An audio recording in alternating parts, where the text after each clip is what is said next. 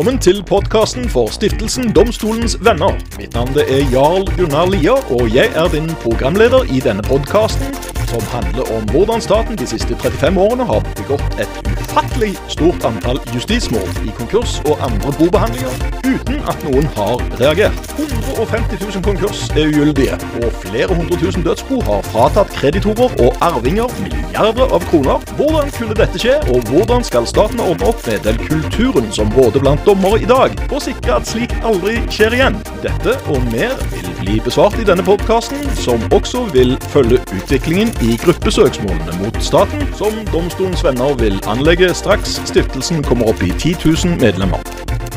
Neste episode starter nå.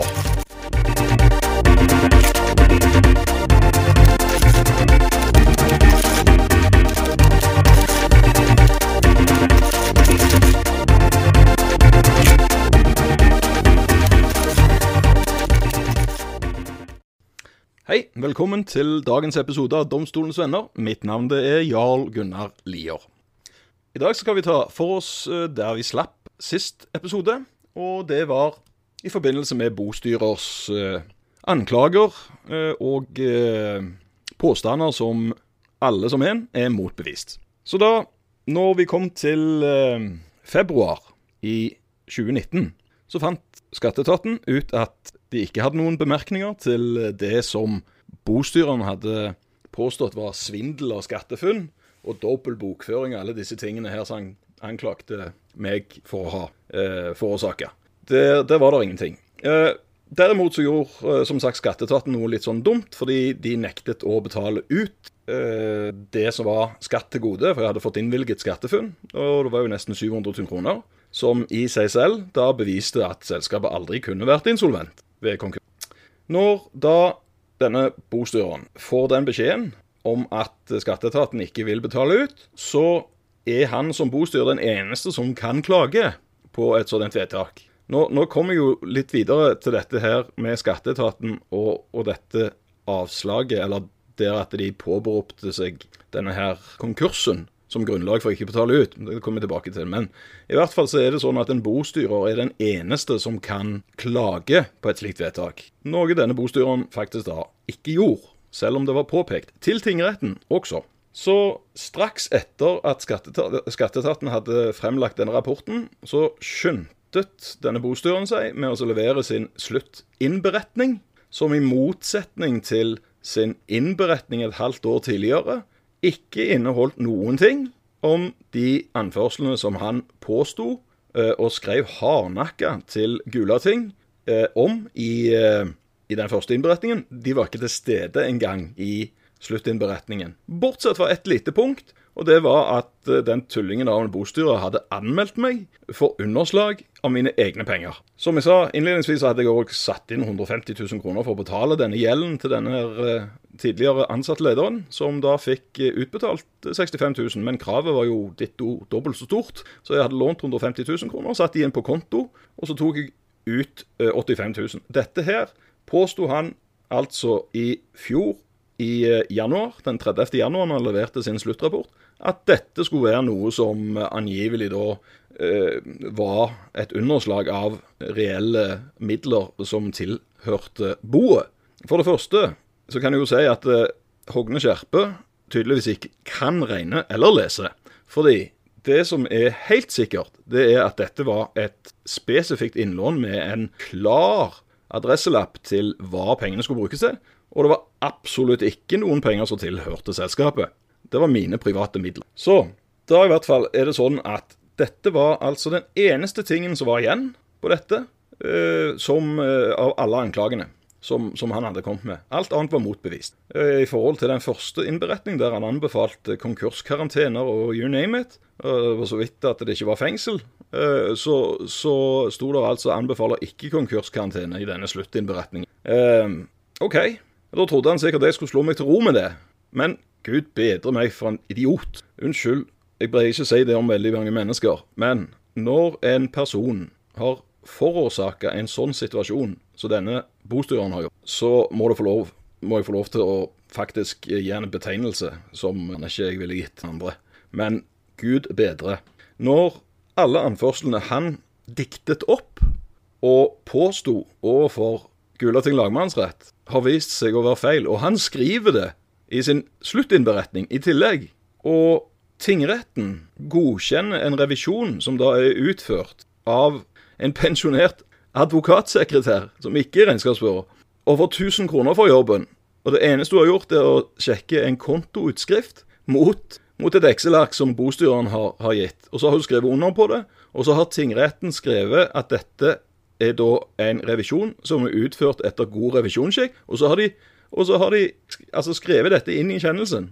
Og når da en òg skal legge til grunn her at eh, bostyrer ved en sin sluttinnberetning skal legge ved erklæring på at regnskapet skal være godkjent, det gjorde jo selvfølgelig ikke han bostyreren her. Han sendte ikke noe ut med min underskrift på. Jeg fikk det bare sånn plutselig tilsendt den 30. Og når du ikke gjør det, så er det faktisk ikke et lovlig utsendt Altså i konkursloven 121 og 22 så er det oppstilt at kreditorerklæringene skal være med. Eh, sorry, debitorerklæringene skal være med. Skyldners erklæring. Ellers så har jo faktisk ikke kreditorene fått et balansert eh, regnskap som Altså der de Informasjonen Altså, eh, det er jo ingen som vet engang at eh, dette her er ikke utført etter lovens ord. Og Årsaken til at det var så viktig at eh, jeg skulle ha en revisjon etter god revisjonssjekk, var nettopp fordi at det var forhold her med immaterielle rettigheter og verdier som var tapt pga. at bostyreren hadde bare latt være å gjøre jobben sin mens han var på ferie. To dager etter konkursåpning. Etter først òg å ha krevd inn penger fra eh, den tidligere ansatte, som han ikke har lov til engang. For det er ikke Bo sine penger, men hun betalte. Og Det brukte han som grunnlag for videre konkursbehandling. Men lang historie kort. Nå viste det seg eh, da at eh, bostyren ikke ville klage over dette vedtaket fra skatteetaten. Um, og dermed så var det bare én ting igjen å gjøre, og det var å sende en søknad, sjø, klage sjøl. Uh, dette nekta da skatteetaten først. Um, men så um, gikk disse 14 dagene med fra Altså, det gikk 14 dager fra bostyrer sendte ut sin sluttrapport med det i anførselstegn reviderte regnskapet, som så vidt eh, kan kalles eh, balansert. Altså, jeg vet ikke hva du kan kalle noe sånn engang. Det er ikke en kontroll, det er ingenting. Uh, det er en kontoutskrift. Eh, og når, når, det hadde gått 14 dager, så har jeg i mellomtiden begjært tilbakelevering. Og så i tillegg så har jeg begjært at selskapet må ha en ordentlig revisjon. For hvor er de verdiene som var i selskapet på konkursåpningstidspunkt. For tross alt så hadde jeg jo òg en, en, en, revisjon på dette her av en ekte revisor. Og i tillegg så hadde jeg òg en verdivurdering ikke så veldig lang tid før. Og her altså er det oppstilt en verdi på nærmere 10 millioner kroner ved konkursåpning. Og hvor har pengene tatt veien? For bostyreren sitt regnskap så sto det null. Og dette må en jo få klarhet i når en skal ha et selskap tilbake. Hvor er pengene blitt av? Men istedenfor å behandle dette her, altså samme dagen jeg leverte dette her inn, den 14. februar 2019, så snakket jeg altså med denne tingrettsdommer Ingrid Håvardstein Eldøy. Jeg ringte til, for, for Nav lønnsgaranti ringte nemlig til meg den dagen og, og påminte meg om at jeg faktisk måtte, måtte ha innsigelser til dette kravet. De var såpass greie og gjorde det. Fordi det var jeg som opplyste om at eh, bostyreren bare hadde sendt inn et krav uten å gi beskjed at han hadde tatt pengene fra den ansatte. Men, men, i hvert fall så har jeg hatt en god dialog med Nav lønnsgaranti. Og når jeg da ringer til tingretten, som jeg vitterlig har sendt e-post og klagt på dette her allerede, snakker med ei sur, gammel dame eh, i hun som var dommer der, Ingrid Håvardstein Eldøy, som, som rett og slett direkte frekk og sur med meg fordi at jeg ikke aksepterer at boet skal avsluttes nå. Hun, hun ga fullstendig blanke F i om uh, dette her var riktig eller feil. Hun skulle ha rett, uansett. Og så sier jeg til henne altså, jeg, jeg, jeg, godtar jo ikke det. Jeg, I dag er, er frist for å, å, klage, og jeg leverer inn en klage. Samtidig så ber jeg om en ny, en ny uh, uh, bobehandling, i hvert fall en ny revisjon som det går an å forstå noe av, som er utført av en revisor som faktisk vet hva god revisjonsskikk er. Og Enden på visen var faktisk at jeg leverte inn dette først på e-post, og senere på dagen så leverte jeg det inn eh, per brev. Altså jeg var innom tingretten og leverte det fysisk. Dette var den 14. februar. Den 15. på ettermiddagen så fikk jeg en melding fra eh, advokaten til eh, Altså advokatkontoret til han bostyreren jobber i. Og da fikk jeg bare en beskjed om at konkursen er over. Se her. Her har du innstillingskjennelsen. Eh, nå er han ferdig. Ja vel. Det var ingen uh, forkynnelse av det, altså der jeg skulle skrive unna på at jeg har mottatt. Det var ingen veiledning på at det gikk an å anke. Dette fikk jeg vite av Agder lagmannsrett når jeg spurte de om det fysisk i, i uh, gjenåpningssaken som jeg hadde der. Og dermed så, så, gikk det jo to uker før det hele tatt jeg visste det var mulig å anke på en innstillingskjennelse. Men i hvert fall så ga jeg beskjed til Brønnøysundregistrene den dagen, den 15., for det var da jeg fikk vite om det, dagen etter kjennelsen var tatt, at uh, dette er feil å slette salestekst i foretaksregisteret, så det må ikke forekomme, for dette skal ankes. Og dette ga jeg beskjed om to ganger skriftlig, så jeg har jo dokumentasjonen på det. Men tror du Brønnøysundregistrene ga blaffen? Yes. De har faktisk eh, til gode å svare folk på disse tingene her. De svarte ikke meg, og lot bare være å rette en feil, selv om de er pålagt til å rette en feil. Og det var slik jeg fant ut at eh, den praksisen som Brønnøysundregistrene og tingretten opererer med i dag, er at eh, de faktisk da sletter alle bedrifter i foretaksregisteret samme dag som denne her innstillingskjennelsen av bobehandlingen blir uh, foretatt. Det som er problemet med dette, det er at det faktisk er 30 dagers ankefrist. Eh, tingretten forsyner ikke denne her, eh, så du skal skrive under på at du faktisk har mottatt den. Og i tillegg så er det ingen veiledning på at det faktisk er mulig å anke denne avgjørelsen. Um, og da er det ganske spesielt når da en forsøker å skal anke, men ikke får det til. Fordi du Altså når det gjelder en, et AS, f.eks., så er et AS innenfor EU Eh, og innenfor Den europeiske menneskerettighetsdomstolen eh, betegna som en juridisk person. Altså juridisk person og et fysisk person. Juridisk det er et selskap, og fysisk det er et menneske av kjøtt og blod. Et, en juridisk person har partsevne ved at en representant for dette selskapet har mulighet til å snakke på et selskaps vegne. Det er styreleder. Og det var jeg. Og dermed så, så, så ville jo jeg eh, ordne opp, sånn at jeg kunne ordne og få, få, på plass en finansieringsavtale eller et eller annet, som, som da gjorde at eh, selskapet kunne bli tilbakelevert etter konkursloven 136.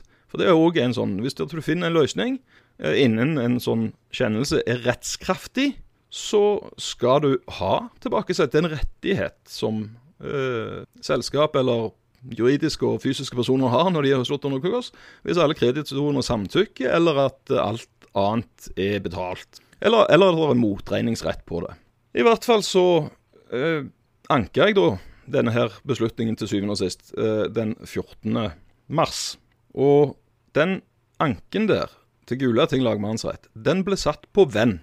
Rett og slett fordi Agder lagmannsrett hadde fått en begjæring om gjenåpning av konkursåpningen. Og hva Agder lagmannsrett har uh, egentlig lest og fått med seg, aner jeg ikke, men i hvert fall så hadde de ikke fått med seg at Nav lønnsgaranti hadde akseptert å samtykke på tilbakelevering. Så de kom med et rart regnestykke som egentlig ingen forsto noen ting av. Uh, fordi uh, ja, det var bare helt rett og slett feil. Men en domstol i Norge kan jo ikke omgjøre sine egne avgjørelser, visstnok. Det sitter i hvert fall veldig langt inne. Og dermed så måtte jeg jo anke den til Høyesterett, osv., osv. Så, videre, og så, videre. så det, det, gikk jo balla på seg helt til, til juni. Eh, og Høyesterett de har jo bare eh, de, de, de, behandler bare ikke saker, de. Eh, de bare sier 'anke nektet fremmed', som betyr at de ikke gidder å behandle det, for de føler det under sin verdighet å gjøre sånne ting. Så dermed så, så sa jeg til Gulating i juni at OK, da får vi bare sette i gang med, med den anken uh, over innstillingen.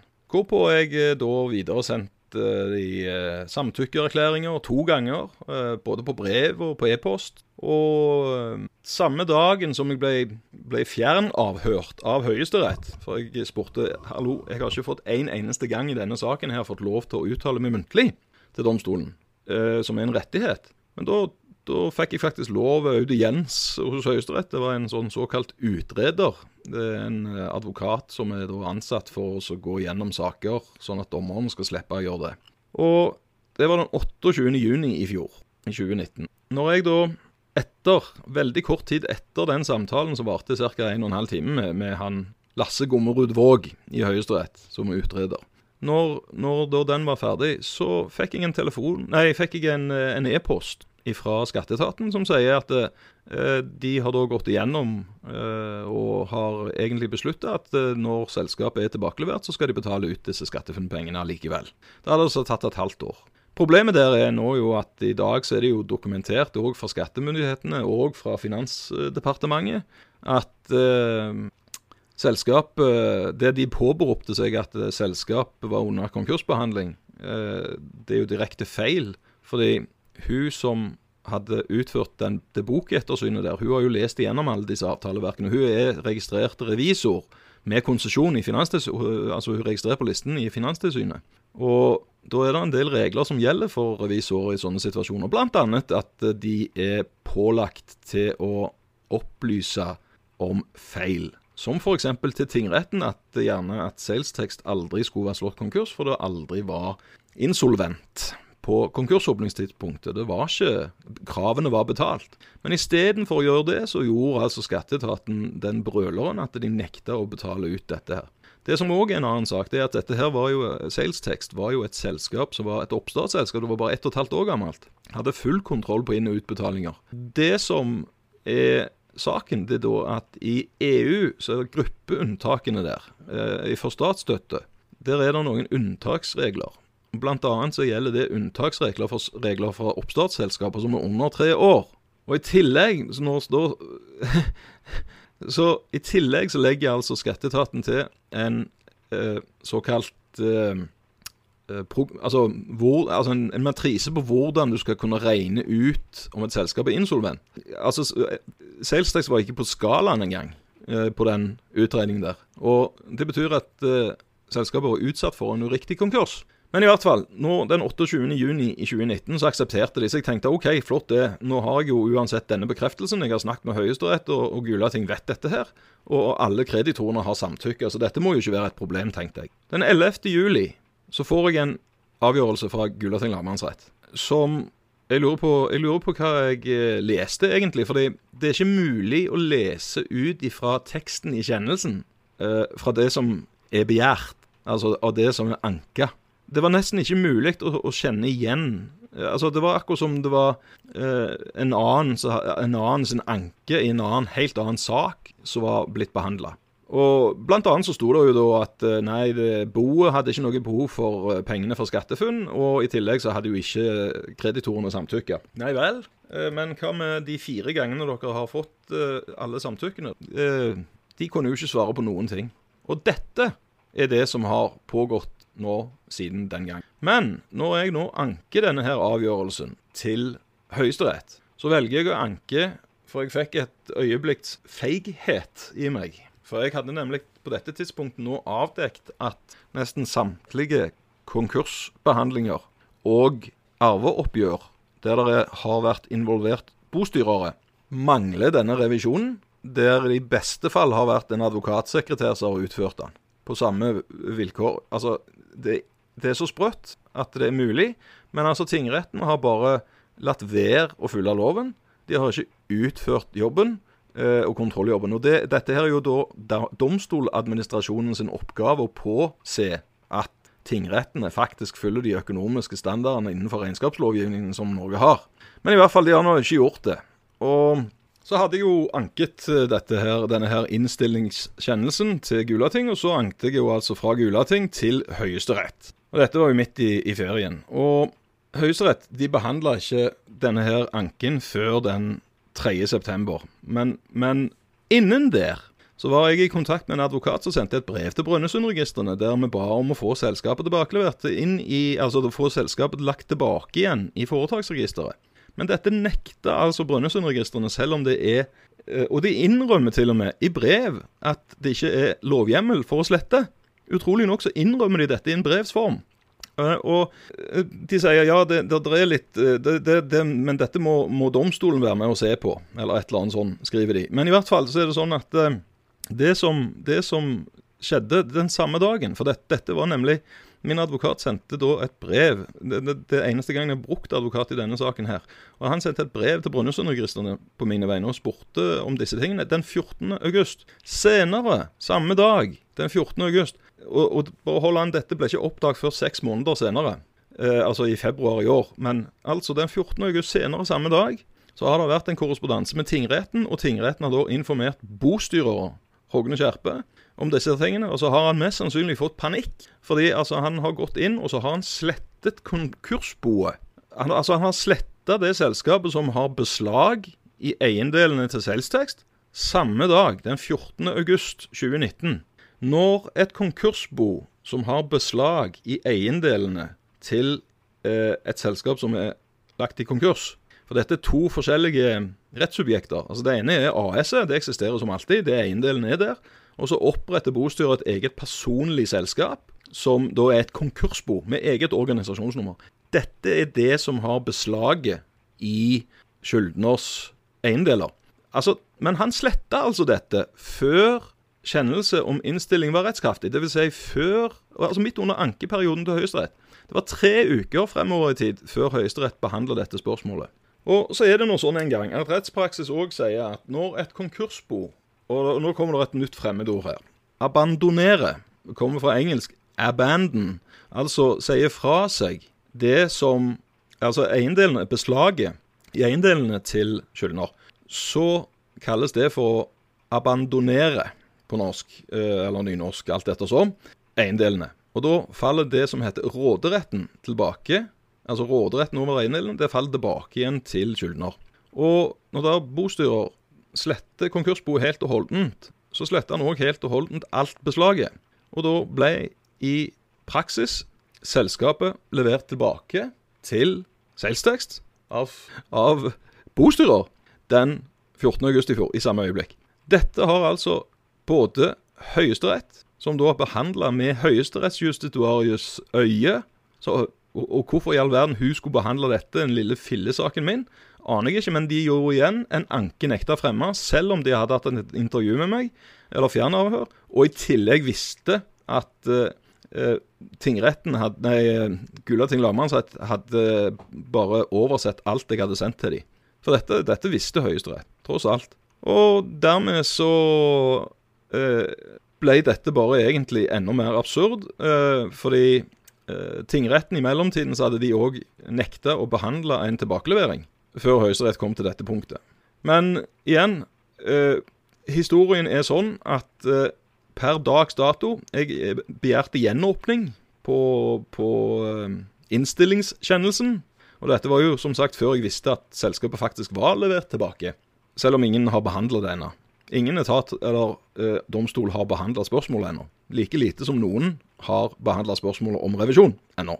Så jeg begjærte altså gjenåpning av konkursåpningen Nei, sorry, konkursinnstillingen i Salestekst.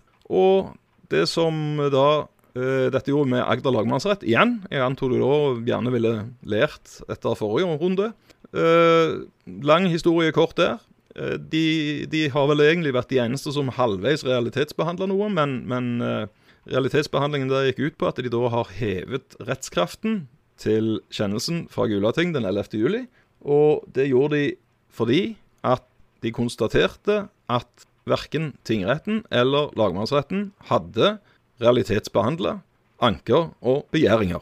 I tillegg så hadde verken Jæren tingrett eller Gulating lagmannsrett gitt meg det som heter da kontradiksjon, altså retten til å kunne forsvare meg muntlig eller skriftlig mot falske anklager.